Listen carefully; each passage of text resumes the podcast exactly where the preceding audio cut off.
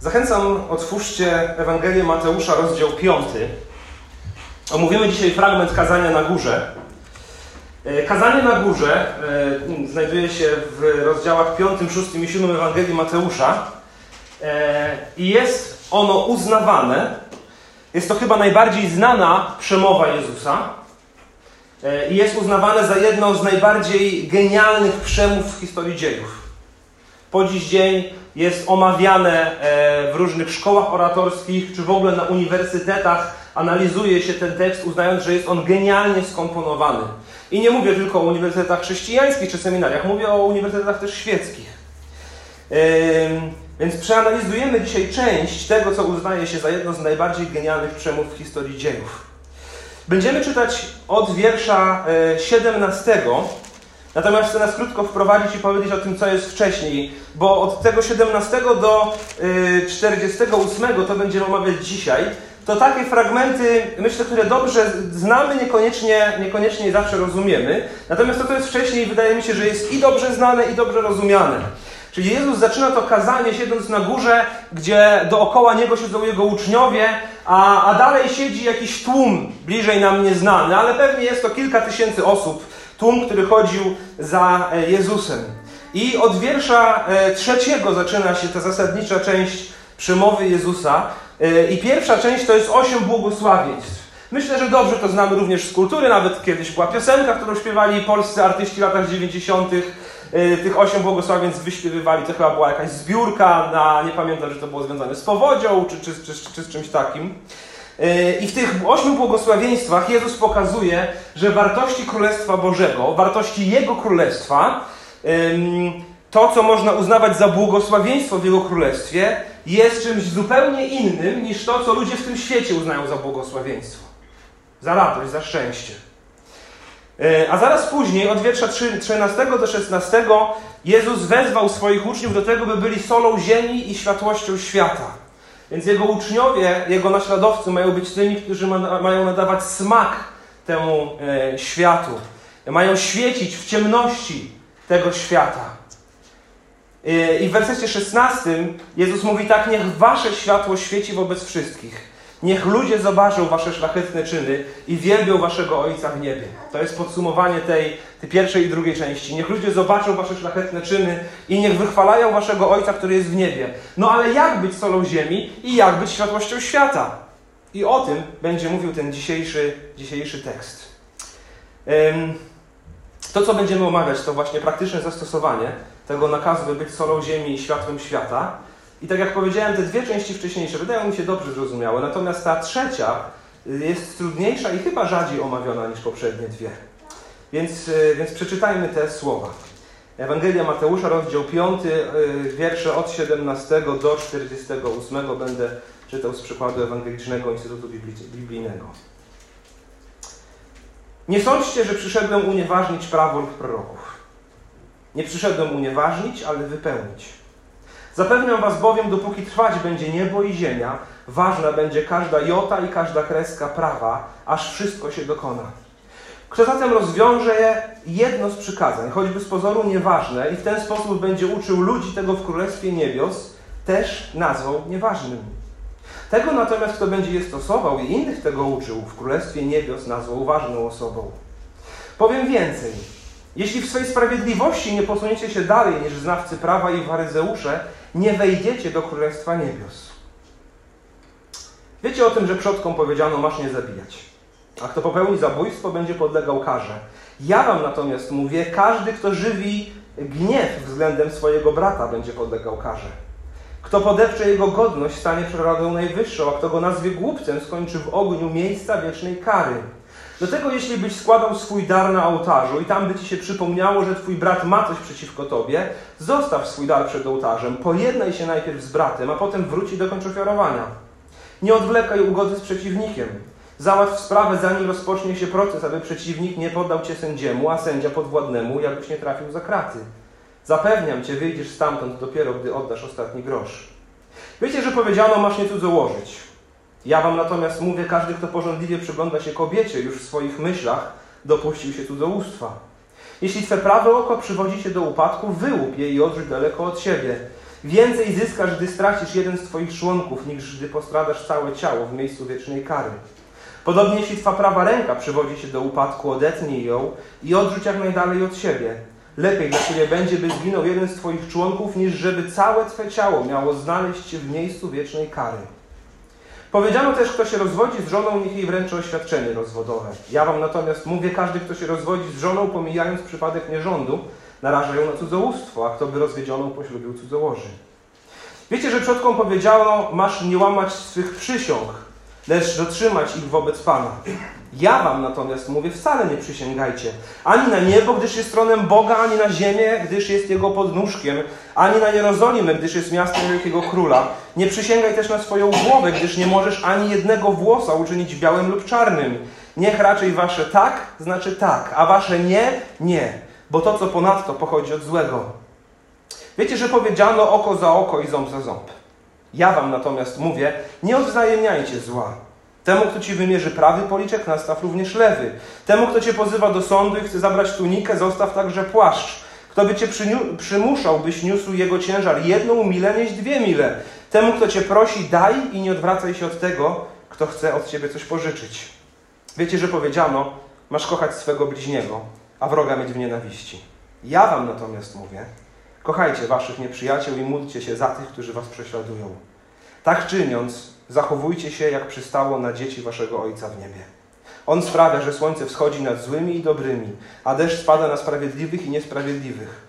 Bo jeśli okazujecie miłość tym, którzy was kochają, co wam wynagradzać?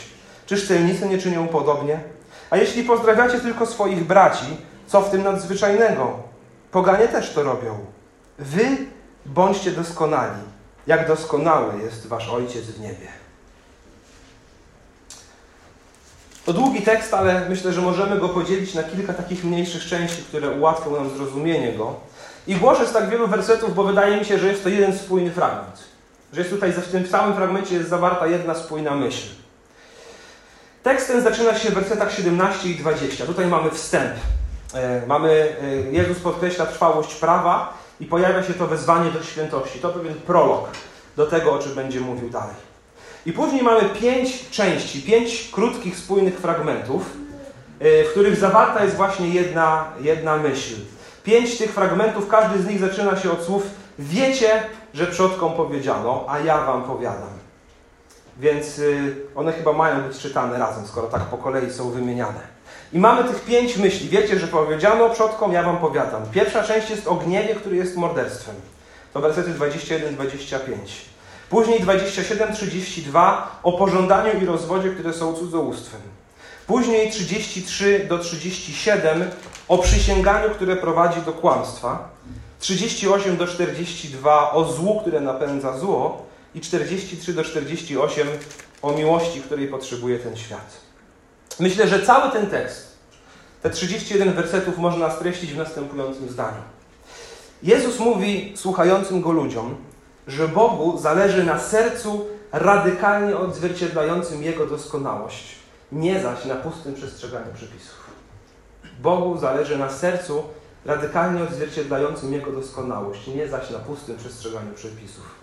Nie będziemy szczegółowo omawiać każdego z tych wersetów. Raczej chciałbym złama, złapać ducha e, czy serce właśnie tego tekstu. Po co Jezus to mówi? Czym jest to życie, którego On pragnie, życie, które ma być światłością świata i solą ziemi? Cały ten fragment rozpoczyna się w wersecie 17, gdzie Jezus mówi: Nie sądźcie, że przyszedłem unieważnić prawo lub proroków. Nie przyszedłem unieważnić, ale wypełnić. To, co my nazywamy dzisiaj Starym Testamentem, Żydzi nazywają pro, prawem, prorokami i pismami. Dzielą Stary Testament na trzy takie kategorie: prawo, prorocy i pismo. Jezus mówi: Nie przyszedłem obalić prawa lub proroków. Nie co prawda nie, nie, nie e, wspomina tutaj pism, czyli tej trzeciej części Starego Testamentu, ale wydaje się, że jest tutaj nawiązanie do całości Starego Testamentu. Mówi, nie przyszedłem obalić prawa lub proroków. Nie przyszedłem tego rozwiązać, przyszedłem, aby to wypełnić.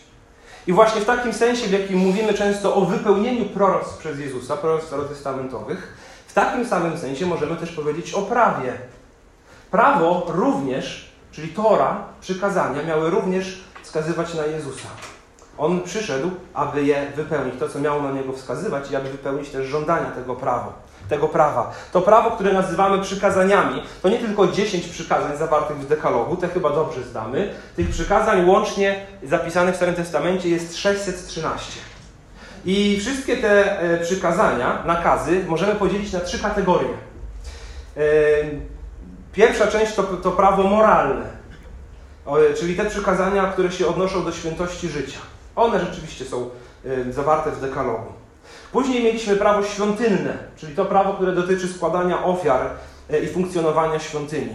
I w końcu są też przykazania cywilne, te, które dotyczyły funkcjonowania prawnego w państwie starożytnego Izraela.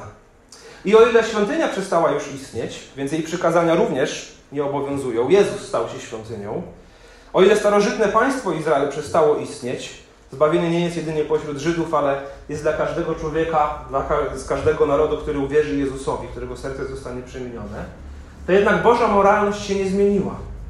I owszem, Jezus przyszedł, aby wypełnić żądania prawda moralnego, ale wzywa nas do tego, abyśmy poszli za nim. I pokazuje nam zupełnie inne podejście w tym tekście do prawa, niż to, które praktykowali wcześniej jemu ludzie. Że tu nie chodzi tylko o zapis prawny, tu chodzi o Twoje serce. Nie chodzi o sztywne trzymanie się przypisów, ale o serce człowieka odzwierciedlające serce Boga. W wersecie 20 Jezus mówi: Powiem więcej, jeśli w swojej sprawiedliwości nie posuniecie się dalej niż znawcy prawa i faryzeusze, nie wejdziecie do Królestwa Niebios.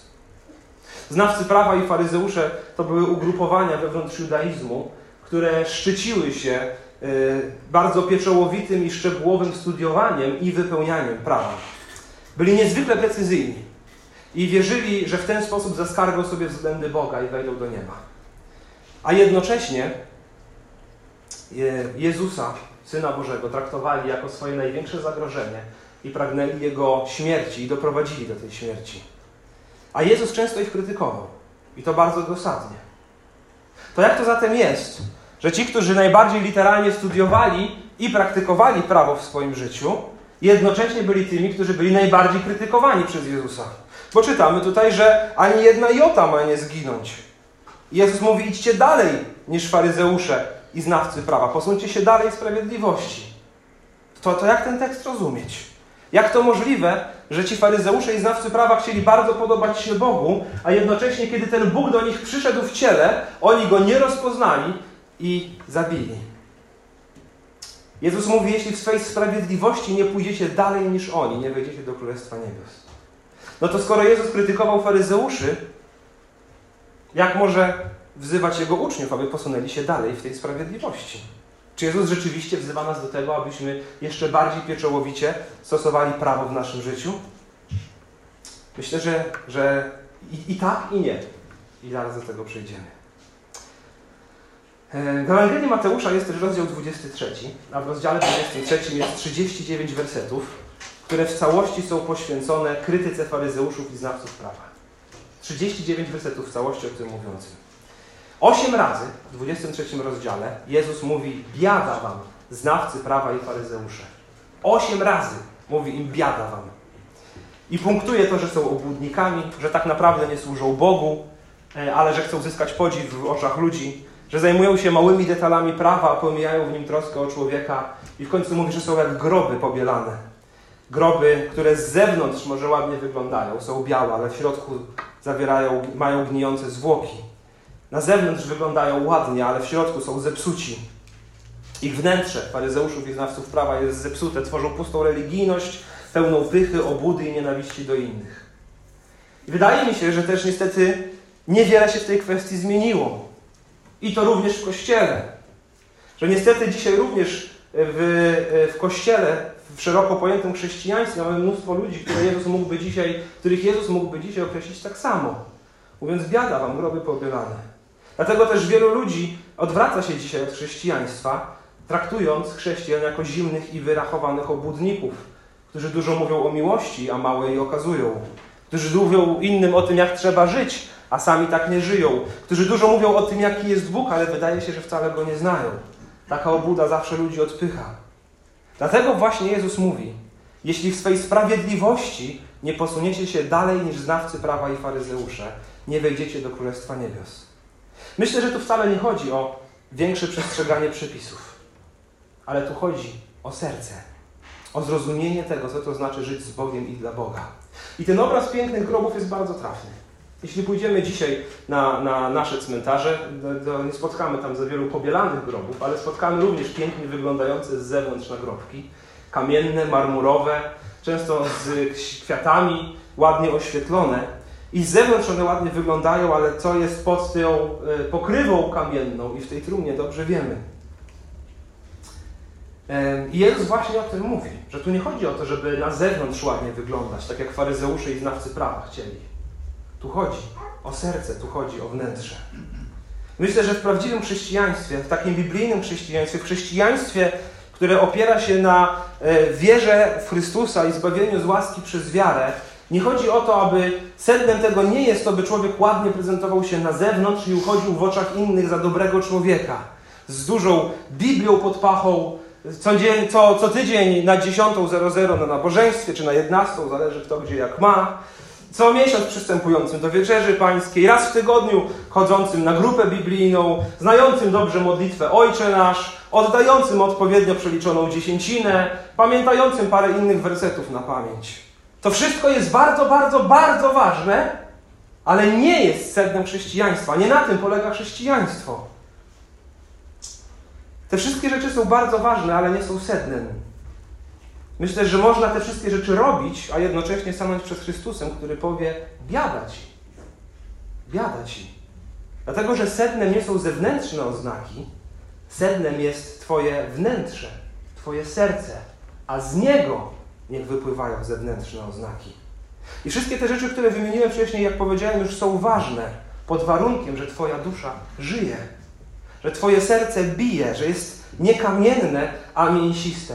Bez tego przemienionego serca będziemy tylko jak ładne, ładnie z zewnątrz wyglądające groby. Dlatego właśnie Jezus mówi, że w swojej sprawiedliwości Jego uczniowie mają posunąć się dalej niż znawcy prawa i faryzeusze. Dlatego, że oni nigdzie się nie posunęli w sprawiedliwości. Słyszałem kilka e, kazań właśnie z tego fragmentu i czasami tam się zdarza e, właśnie takie stwierdzenie kaznodziejów, że Jezus tu stawia poprzeczkę wyżej niż faryzeuszom i znawcom prawa. Myślę, że nie. Bo oni w swojej sprawiedliwości, bo kiedy Jezus mówi posuńcie się dalej niż znawcy prawa i faryzeusze, oni tak naprawdę w sprawiedliwości nie posunęli się nigdzie. W Bożych oczach byli niesprawiedliwi. Jezus tutaj nie, nie, nie, nie zawiesza poprzeczki nie wiadomo jak wysoko. Myślę, że Jezus po prostu mówi o tym, odzwierciedlajcie serce waszego Ojca. Wzywa nas do normalnego życia z Bogiem. Jezus wzywa nas do, normal, do, do takiego normalnego życia chrześcijańskiego. Bo zobaczcie, cały ten fragment kończy się na wersecie 48, gdzie jest powiedziane: Wy bądźcie doskonali, jak doskonały jest wasz Ojciec w niebie. Więc mamy taką klamrę. Y, na początku musicie posunąć się dalej niż faryzeusze i znawcy prawa, bo nie wejdziecie do Królestwa Niebios, a na końcu bądźcie doskonali, jak doskonały jest wasz Ojciec w niebie. A w środku to, co to właśnie znaczy? Być światłością świata, solą ziemi i być doskonałym, jak Ojciec, który jest, jest w niebie. Więc tu chodzi o odzwierciedlanie naszego Ojca. Boże dziecko, które chce żyć tak jak Jego Ojciec. Abyśmy naprawdę byli światłością świata i solą ziemi. Tu chodzi o nasze wnętrze, nie o wykonywanie uczynków uchodzących za pobożnych w oczach ludzi. Tu chodzi o prawdziwe życie z Bogiem.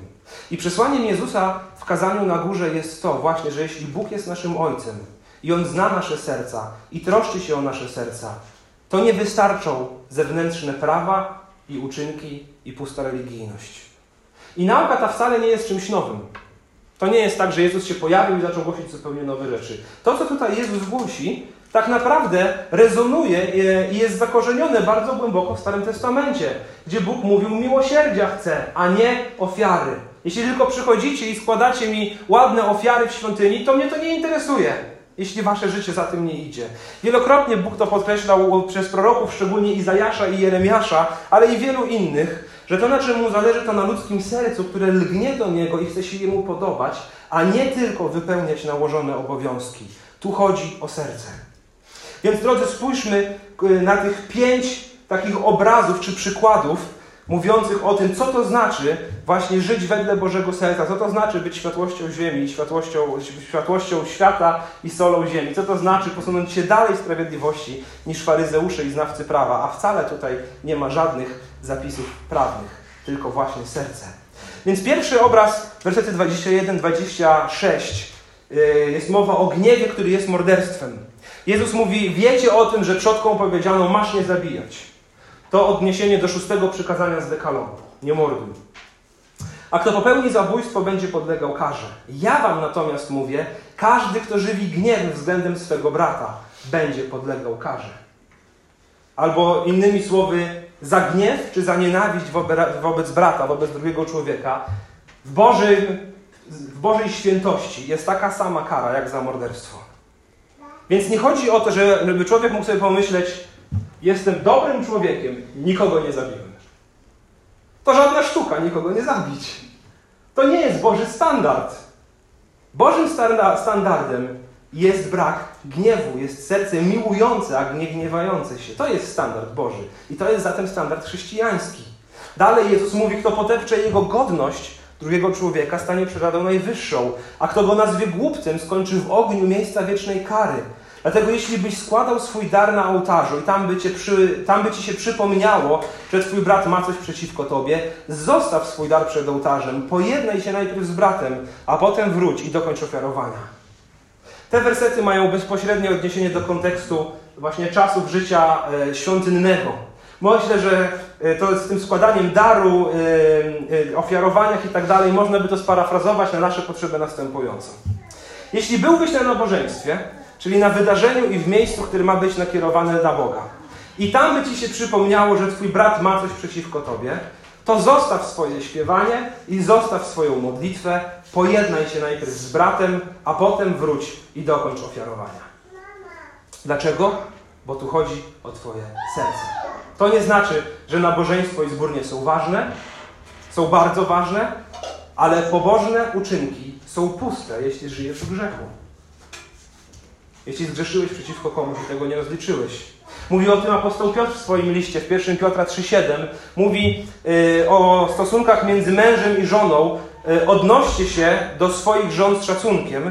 One przecież wraz z wami dziedziczą łaskę życia. Lekceważąc je, moglibyście w swych modlitwach natrafić na przeszkody. To myślę, że bardzo ważny werset pokazujący właśnie, że nie chodzi o zewnętrzną religijność. Ci ludzie się modlili. Dobrze jest się modlić? Bardzo dobrze jest się modlić. Ale Piotr mówi, sprawdźcie najpierw na relacje między wami, małżonkowie. I traktujcie mężowie swoje żony z szacunkiem, yy, nie lekceważąc ich, bo jeśli lekceważycie je i nie odnosicie się do nich z szacunkiem, to w swoich modlitwach możecie natrafić na przeszkody. To może podpowiedź, dlaczego czasami modlitwy nasze są niewysłuchane. Więc nie myśl sobie, że grzeszne, zepsute relacje z innymi ludźmi przykryjesz przed Bogiem służbą w zborze. To tak nie działa. Tu chodzi o Twoje serce. Nie odwlekaj ugody z przeciwnikiem. Werset 25. Załatw sprawę, zanim rozpocznie się proces, aby przeciwnik nie podał Cię sędziemu, sędzia podwładnemu, abyś nie trafił za kraty. Zapewniam Cię, wyjdziesz stamtąd dopiero, gdy oddasz ostatni grosz. Drugi obraz, który daje Jezus, znowu zaczynający się od słów, wiecie, że powiedziano, a ja Wam mówię, e, o pożądaniu i rozwodzie, które są cudzołóstwem. Werset 27. Wiecie, że powiedziano, masz nie cudzołożyć. To siódme przykazanie z dekalogu. Czyli przykazanie mówiące o tym, że, że relacja seksualna jest zarezerwowana tylko dla małżeństwa. Wiecie, że powiedziano masz nie cudzołożyć. Ja wam natomiast mówię, każdy, kto porządliwie przygląda się kobiecie, już w swoich myślach dopuścił się cudzołóstwa. Jest to oczywiście fragment wymienny i można też odnieść go do kobiet przyglądających się porządliwie mężczyznom. Więc Jezus mówi, nie chodzi o to, że ty powiesz, nigdy nie zdradziłem swojej żony, jestem dobrym człowiekiem w Bożych oczach. Jezus mówi, tu chodzi o coś więcej niż Twoje czyny. Tu chodzi o Twoje myśli i tu chodzi o Twoje serce. O to, co w nim jest. Jeśli porządliwie przyglądasz się drugiej osobie, to znaczy, jeśli w swoich myślach fantazjujesz o tej drugiej osobie seksualnie, która nie jest Twoim współmałżonkiem, to liczy się dla Boga jako cudzołóstwo. Czy patrzysz, mężczyzno, na tę kobietę, którą mijasz, czy która siedzi obok Ciebie czy patrzysz kobietę na tego mężczyznę, który siedzi obok ciebie, którego mijasz na ulicy, jako obiekt pożądania, który mógłbyś czy chciałbyś, chciałabyś posiąść, gdyby nie było żadnych konsekwencji z tego wynikających negatywnie? Czy też patrzymy na innych ludzi jak na Boże stworzenie, jak na czyjąś żonę i męża? Nawet jeśli dzisiaj może nim nie być, to może w przyszłości będzie. To zagrożenie dzisiaj po, niesamowicie w naszym świecie, który tak bardzo mówi o tym, aby nie uprzedmiotawiać drugiego człowieka, jednocześnie mnóstwo ludzi to robi, sami, sami sobie to robią. Drodzy, wystrzegajmy się traktowania innego człowieka z jego ludzką godnością, stworzonego na Boży obraz i podobieństwo. Wystrzegajmy się traktowania tego człowieka jako przedmiotu, który miałby nas zabawić, nawet jeśli to się dzieje w naszych myślach. Nawet jeśli jest to postać na zdjęciu czy filmie. Jesteśmy cenni jako Boże stworzenie, zbyt cenni, aby robić to sobie i innym. Więc sednem chrześcijaństwa nie jest to tylko, co robisz z drugim człowiekiem fizycznie, ale również to, co robisz z nim w swoich myślach. Tu chodzi o Twoje serce. Jezus dalej mówi, jeśli Twe prawe oko przywodzi Cię do upadku, wyłup je i odrzuć daleko od siebie. Więcej zyskasz, gdy stracisz jeden z Twoich członków, niż gdy postradasz swe całe ciało w miejscu wiecznej kary. Podobnie jeśli Twa prawa ręka przywodzi Cię do upadku, odetnij ją i odrzuć jak najdalej od siebie. Lepiej dla Ciebie będzie, by zginął jeden z Twych członków, niż żeby całe Twe ciało miało znaleźć się w miejscu wiecznej kary. Myślę, że Jezus tutaj wcale nie wzywa nas do samookaleczania się. Te słowa mają brzmieć szokująco i mają wywołać szok. Właśnie po to, abyśmy dobrze zrozumieli, czym jest grzech i poważnie zaczęli go traktować. Jezus wzywa tych, którzy go słuchają, do tego, by radykalnie rozprawić się z grzechem. Jeśli poważnie traktujemy Jego słowo, to zawalczmy w naszym życiu o świętość. Do tego On nas tutaj wzywa. Chce wywołać szok, abyśmy zrozumieli, że to nie są przelewki, że On tu mówi o poważnych rzeczach, o radykalnym zadbaniu o naszą świętość. Przeskoczymy na chwilę wersety 31-32. One nawiązują do tego, ale chciałbym pójść do, do, tego, o czym teraz mówiliśmy, ale chciałbym pójść dalej. 33 i 37. Jak ktoś będzie chciał pogadać o 31-32 po nabożeństwie, to możemy. Wersety 33 i 37, czyli ten trzeci obraz o przysięganiu, które prowadzi do kłamstwa. Wiecie, że przodkom powiedziano, masz nie łamać swych przysiąg, lecz dotrzymywać ich wobec prawa. Ja wam natomiast mówię, wcale nie przysięgajcie ani na niebo, gdyż jest tronem Boga, ani na ziemię, gdyż jest jego podnóżkiem, ani na Jerozolimę, gdyż jest miastem wielkiego króla. Nie przysięgaj też na swoją głowę, gdyż nie możesz ani jednego włosa uczynić białym lub czarnym. Niech raczej wasze tak znaczy tak, a wasze nie, nie, bo to, co ponadto, pochodzi od złego. Więc Jezus w tym trzecim obrazie wzywa nas do tego, byśmy byli prawdomówni. Żebyśmy byli tak prawdomówni, jak prawdomówny jest Bóg. Gdzie nie trzeba składać przysiąg. Bo po co mamy przysięgi dzisiaj? Ja pamiętam, jak byłem dzieckiem, to, to, to lubiłem to stosować, że jak ktoś mi mówił, że coś tam zrobi, no to mówi. Ale ja wtedy do niego mówię, ale przysięgnij, że to zrobisz. Ja mówię, przysięgam. No to wtedy się liczy, że naprawdę to zrobisz. Dlaczego tak robiłem, będąc dzieckiem? Może czasami wciąż tak robię. Dlatego, że spotykałem się najwidoczniej z niesłownością. Więc jak się pojawiło słowo przysięgnij, to się liczyło jako zaklepane. Wtedy się na pewno wydarzy. Jezus mówi, nie róbcie tak. Bądźcie słowni. Niech wasze tak znaczy tak, niech wasze nie znaczy nie. Myślę, że to nie jest... Jezus tutaj nie zakazuje przysiąg jako takich. To nie jest potępienie przysiąg małżeńskich czy wojskowych.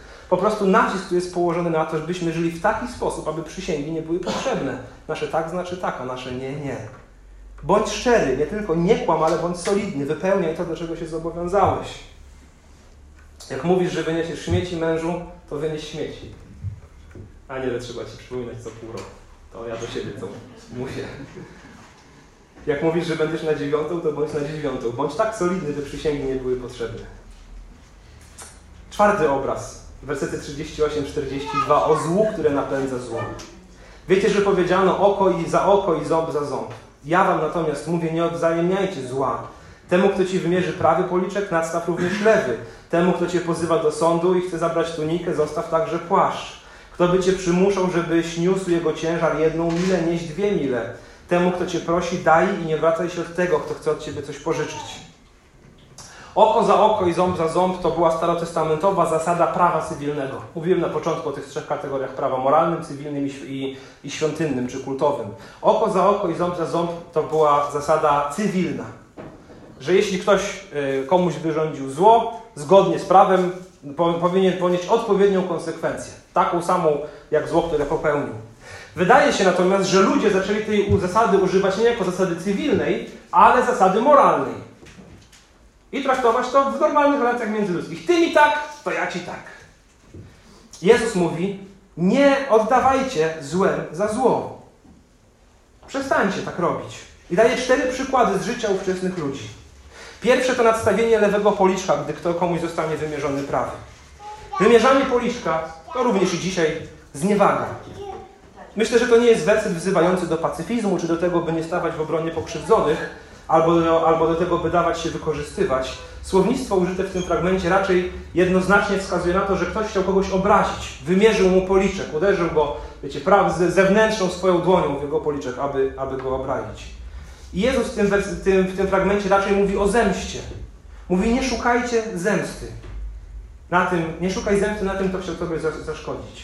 Bije cię w lewy policzek, a to nadstaw mój prawy. Nie odpłacaj złem za zło, nie szukaj odpłaty. Dalej, kto cię pozywa do sądu, by zabrać tunikę, zostaw i płaszcz.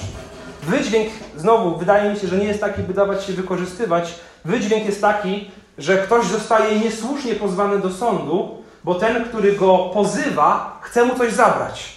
Więc ma na niego jakiegoś haka, chce mu coś zabrać, chce, chce się wzbogacić na tym, że kogoś pozywa do sądu. Jezus mówi, jak ci tak ktoś robi, żeby zabrać tunikę, to oddaj mój płaszcz.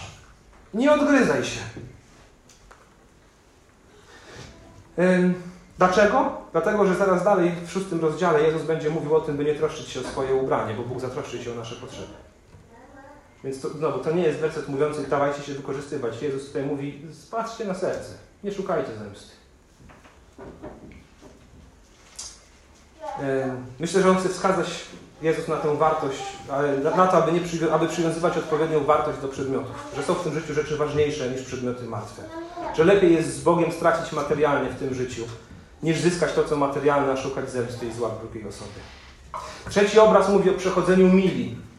Jak ktoś yy, k temu, kto by cię przymuszał, byś niósł jego ciężar jedną milę, nieść dwie.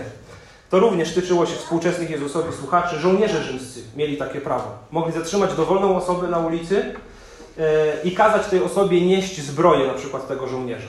Czyli wykorzystać tę osobę do pomocy i zgodnie z prawem ta, os ta osoba mogła być wykorzystana tylko na dystans jednej mili. Przez jedną milę taka osoba mogła pomóc temu żołnierzowi rzymskiemu. Jezus mówi, jak cię zatrzymują, żebyś niósł coś jedną milę, nieś dwie. Tu chodzi o twoje serce. Tu chodzi o twoje serce.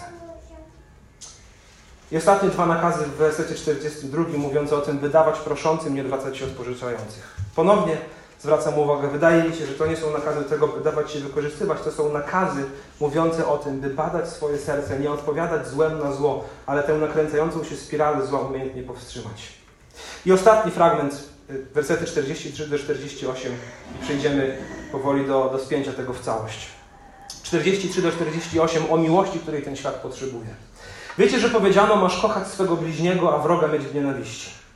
To też jest ciekawe, bo rzeczywiście powiedziano w Starym Testamencie, masz kochać swego bliźniego, ale nie znajdujemy wersetu, który mówi, wroga masz mieć w nienawiści. Wydaje się, że to faryzeusze odpowiednio to prawo wykręcili i w taki sposób podawali innym ludziom. Dlatego Jezus tak cytuje, wiecie, że powiedziano, masz kochać swego bliźniego, a wroga mieć w nienawiści. Ja wam natomiast mówię, kochajcie waszych nieprzyjaciół i módlcie się za tych, którzy was prześladują. Tak czyniąc, zachowujcie się jak przystało na dzieci waszego Ojca w niebie. On sprawia, że słońce wschodzi nad złymi i dobrymi, deszcz pada na sprawiedliwych i niesprawiedliwych. Bo jeśli okazujecie miłość tym, którzy was kochają, co wam wynagradzać? Czy stylnicy nie czynią podobnie? A jeśli pozdrawiacie tylko swoich braci, co w tym nadzwyczajnego? Poganie też to robią. Wy bądźcie doskonali, jak doskonały, jak doskonały jest wasz Ojciec w niebie. Więc to żadna sztuka kochać tylko tych, którzy są nam bliscy. Prawdziwa sztuka to kochać również naszych nieprzyjaciół i tych, którzy życzą nam jak najgorzej. I widzimy tę postawę u Jezusa. Pamiętacie, kiedy Jezus wisi na krzyżu? Jaką prośbę kieruje do swojego Ojca? Przebacz im, Ojcze, Ojcze, bo nie wiedzą, co czynią. Widzimy to w postawie pierwszego chrześcijańskiego męczennika, jaki był, jakim był Szczepan. Jego ostatnie słowa, które wypowiada, będąc kamienowanym, to mówi: Panie, nie policz im tego grzechu. Widzimy to w wielu zapiskach o bohaterach wiary w historii Kościoła. E, I widzimy to, e, i tak argumentacji używa Jezus również u Boga. On daje słońce i deszcz zarówno pobożnym, jak i bezbożnym. Będziemy na koniec nabożeństwa śpiewać taką pieśń, gdy widzę znów jak bezbożników rzesza, zamiast Cię czcić Twe imię święte lży, a mimo to Twa łaska się nie zmniejsza. Owszem, ich znosisz cierpliwości swej. To jest Boży standard. To powinniśmy i to powinniśmy naśladować. Kochać tych, którzy są dookoła nas, nawet tych, którzy e, uważają nas za swoich wrogów. Jak już mówiłem wcześniej, cały ten fragment kończy się wersetem mówiącym Wy bądźcie doskonali, jak doskonały jest Wasz Ojciec w niebie. Więc oto pięć sposobów na to, co znaczy być doskonałym, co znaczy być świętym, co znaczy być solą ziemi, światłością świata. To się wydają być bardzo wysokie standardy, a jednak to są normalne, Boże standardy odzwierciedlające Jego serce. Standardy, w których człowiek nie tylko nie morduje, bo to żadna sztuka, ale nawet się nie gniewa. Nie cudzołoży fizycznie, bo to żadna sztuka, ale też nie pożąda. Nie musi przysięgać, bo spełnia wszystko to, co deklaruje. Powstrzymuje spiralę zła, czyniąc dobre, nie szukając zemsty. I w końcu kocha wszystkich. Brzmi pięknie, prawda? Ładnie brzmi? Ładnie brzmi. Tylko wiecie, przez dwa tysiące lat, od kiedy to kazanie zostało wygłoszone, ono było czytane przez wielu ludzi. Miliony, a w zasadzie chyba miliardy. I mnóstwo zarówno tych, którzy mienią się chrześcijanami, jak i tych, którzy nimi nie są. Jak już mówiłem w samym wstępie, to kazanie jest analizowane przez wielu. Te miliardy zachwycają się tym tekstem i mówią, ale piękne, ładne to, co mówi Jezus. Tylko, że kazanie na górze nie zostało nam dane po to, aby się nim jedynie zachwycać. Zostało nam dane po to, aby nim żyć. John Stott, jeden z największych teologicznych umysłów przełomu XX i XXI wieku, napisał książkę o kazaniu na górze. E, gdzie analizuje tam bardzo pieczołowicie każdy werset. E, I zauważył następującą rzecz, że kazanie na górze jest to prawdopodobnie najbardziej znana część nauki Jezusa, choć zapewne najmniej rozumiana i z pewnością najmniej przestrzegana. Prawdopodobnie najbardziej znana część nauki Jezusa, choć zapewne najmniej rozumiana i z pewnością najmniej przestrzegana.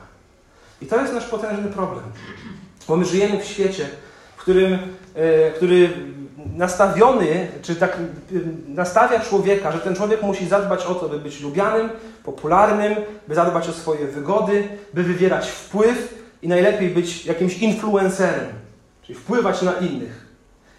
Ale ten tekst uczy nas, że naśladowanie Jezusa się z tym nie wiąże, że naśladowanie Jezusa właśnie dlatego jest niezwykle trudne, bo, bo to, o czym tutaj mówi Jezus w oczach świata, jest przegraną. Jest przegraną. Ludzie mówią, że to ładnie brzmi, ale życie takie jest przegranym życiem w oczach tego świata. Jak to się nie mścić? Jak to nie zawalczyć o swoje? Jak to, jak chce mi ktoś zabrać tunikę, to oddać mu jeszcze płaszcz?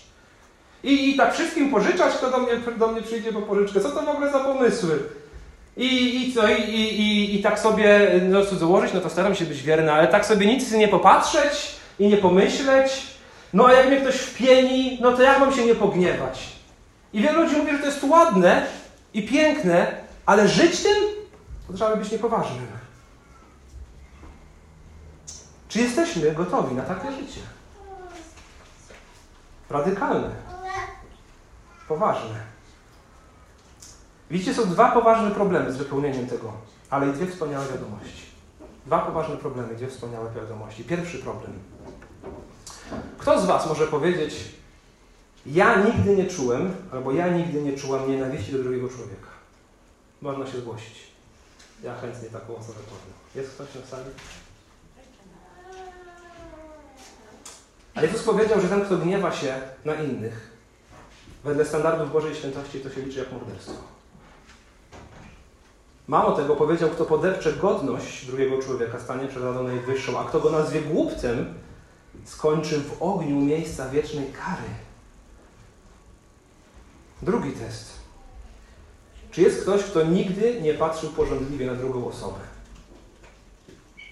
Nie chodzi tutaj o swojego współmałżonka. Bo widzicie, Jezus powiedział, że porządliwość równa się cudzołóstwu w sercu. Mało tego, powiedział, jeśli Twe prawe oko przywodzi Cię do upadku, wyłup je i odrzuć daleko od siebie. Wszystkich, których widzę, macie pełną parę oczu. Ale ręki nikt nie podniósł, jak pytałem, czy ktoś tego przykazania nie złamał. Mamy tu salę pełną morderców i cudzołożników w sercu, a pozostałych trzech przykazań, czy pozostałych trzech wskazań nawet nie dotknęliśmy. I to jest właśnie nasz problem. Taka jest nasza rzeczywistość, w naszym naturalnym stanie. Tacy jesteśmy w Bożych oczach. To nie jest tylko wzniosły traktat teologiczny, on zawiera konkretne rozwiązanie na zło, które popełniamy. Widzicie, jakie jest rozwiązanie na zło, które tutaj popełniamy? Miejsce wiecznej kary. Trzy razy w tym tekście jest mowa o piekle. Więc miliony i miliardy ludzi się tym tekstem zachwycają, ale nikt nie potrafi tego spełnić. I gdyby od tych wersetów, tylko od tych 31 wersetów należało nasze zbawienie, wszyscy skończylibyśmy w piekle. Ale jest też dobra wiadomość. Oto pierwsza z nich. Chwała Bogu, nasze zbawienie nie jest bazowane na naszych uczynkach, bo nigdy byśmy go nie osiągnęli. Jest tylko jedna osoba, która wypełniła pieczołowicie każdy jeden werset i każdy jeden przecinek, który tutaj jest zapisany. Ta osoba nazywa się, jak wiecie, Jezus Chrystus. On, jak sam powiedział na początku tego fragmentu, On przyszedł, aby to wypełnić. On nigdy i przenigdy nie złamał żadnego Bożego prawa i On wypełnił wszelką sprawiedliwość. I On też, będąc bez winy, umarł na krzyżu właśnie za nas, morderców i cudzołożników w swoich sercach. I zrobił to dobrowolnie. I Jego Słowo mówi, jeśli przyznajemy się do naszych grzechów, to On jest wierny i sprawiedliwy, przebaczy nam grzechy i oczyści nas od wszelkiej nieprawości. Pierwszy list Jana 1,9. Jeśli przyznajemy się do naszych grzechów, On jest wierny i sprawiedliwy, przebaczy nam grzechy i oczyści nas od wszelkiej nieprawości. Zmierz się z tym, kim jesteś i jak potężny jest Twój grzech w Bożych oczach i spójrz prawdzie w oczy. Jeśli Twoja grzeszność Cię porusza i dostrzegasz, że Bóg w żaden sposób nie powinien Ciebie do siebie przyjąć, to dobrze myślisz. I jak, jak czytałem ten tekst wczoraj, ćwiczyłem to kazanie, zawsze w sobotę wieczorem mówię to kazanie niedzielne żonie. Ona e, w sobotę wieczorem tego słucha i, i, i czasami coś sugeruje, e, że coś można by zmienić albo coś jest nie tak i tak dalej. I wygłosiłem jej to kazanie, to, to mówię do niej, Domi, jak ja mam to kazanie wygłosić? Jak ja mam to powiedzieć? Jak ja sam jestem tego wszystkiego winien? Czy Pan Bóg będzie miał dla mnie tyle łaski, aby mnie wpuścić do nieba? I chwała Bogu, jest dla nas ratunek, bo nasze zbawienie nie jest bazowane na naszych uczynkach. Jest ratunek i to jest ta dobra wiadomość. Jest ratunek dla każdego mordercy i cudzołożnika w sercu. Tym ratunkiem jest Jezus Chrystus i Jego doskonałe życie i Jego śmierć, którą On zapłacił za, nas, za nasz grzech. Bóg powiedział w księdze Ezechiela 36:26 Dam wam nowe serce Nowego ducha włożę do waszego wnętrza. Usunę z was serca kamienne, a dam wam serca mięsiste. Tu chodzi o Twoje serce. I to serce w żaden sposób samo z siebie nie stanie się zdrowe. To Pan Bóg musi dokonać tej operacji. On mówi: Ja dam wam serce nowe, ja dam nowego ducha do waszego wnętrza i usunę z was serca kamienne, a dam serca mięsiste. W naszej naturze jest serce skłonne do grzechu, serce brudne i skupione na sobie, serce kamienne. A on pragnie serca mięsistego i bijącego dla niego, które odzwierciedla jego pragnienia. Jego serce jest jego darem i tylko on nam może je dać. I On musi usunąć serca kamienne, twarde, krnąbrne, a w ich miejsca wstawić bijące serca dla Jego chwały. Jezus umarł na krzyżu właśnie po to, aby dokonała się ta operacja kardiologiczna w nas. Aby dokonała się transplantacja serca kamiennego na mięsiste. Jeśli nigdy tego nie doświadczyłeś, to wystarczy, że szczerze Go o to poprosisz. Jeśli porusza Ciebie Twój grzech, możesz zawołać do Niego z wiarą, zawołać do Niego o to, aby On wykonał na Tobie tę operację.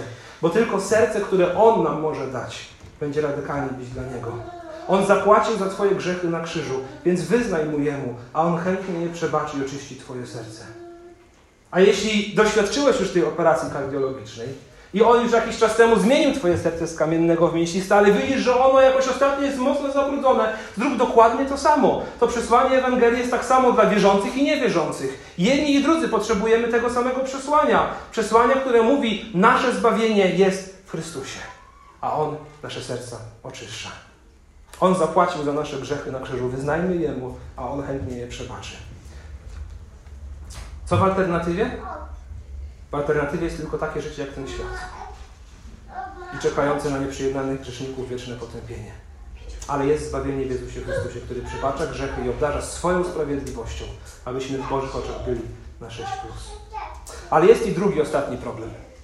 Jezus wzywa nas do tego, byśmy to wypełniali w konsekwencji naszego zbawienia, nie po to, aby je zyskać, ale dlatego, że jesteśmy zbawieni, Ale ostatecznie nie jesteśmy w stanie tego wypełnić w sposób doskonały i nie jesteśmy w stanie złamać żadnego z tych nakazów, które dał nam Jezus w tym tekście. To po co Jezus nam to dał? Pójście za nim jest bardzo trudne. Te słowa, które teraz czytaliśmy i które omawiamy, w tym doczesnym życiu są niewykonalne, a jednocześnie jesteśmy wyzwani, by tak żyć.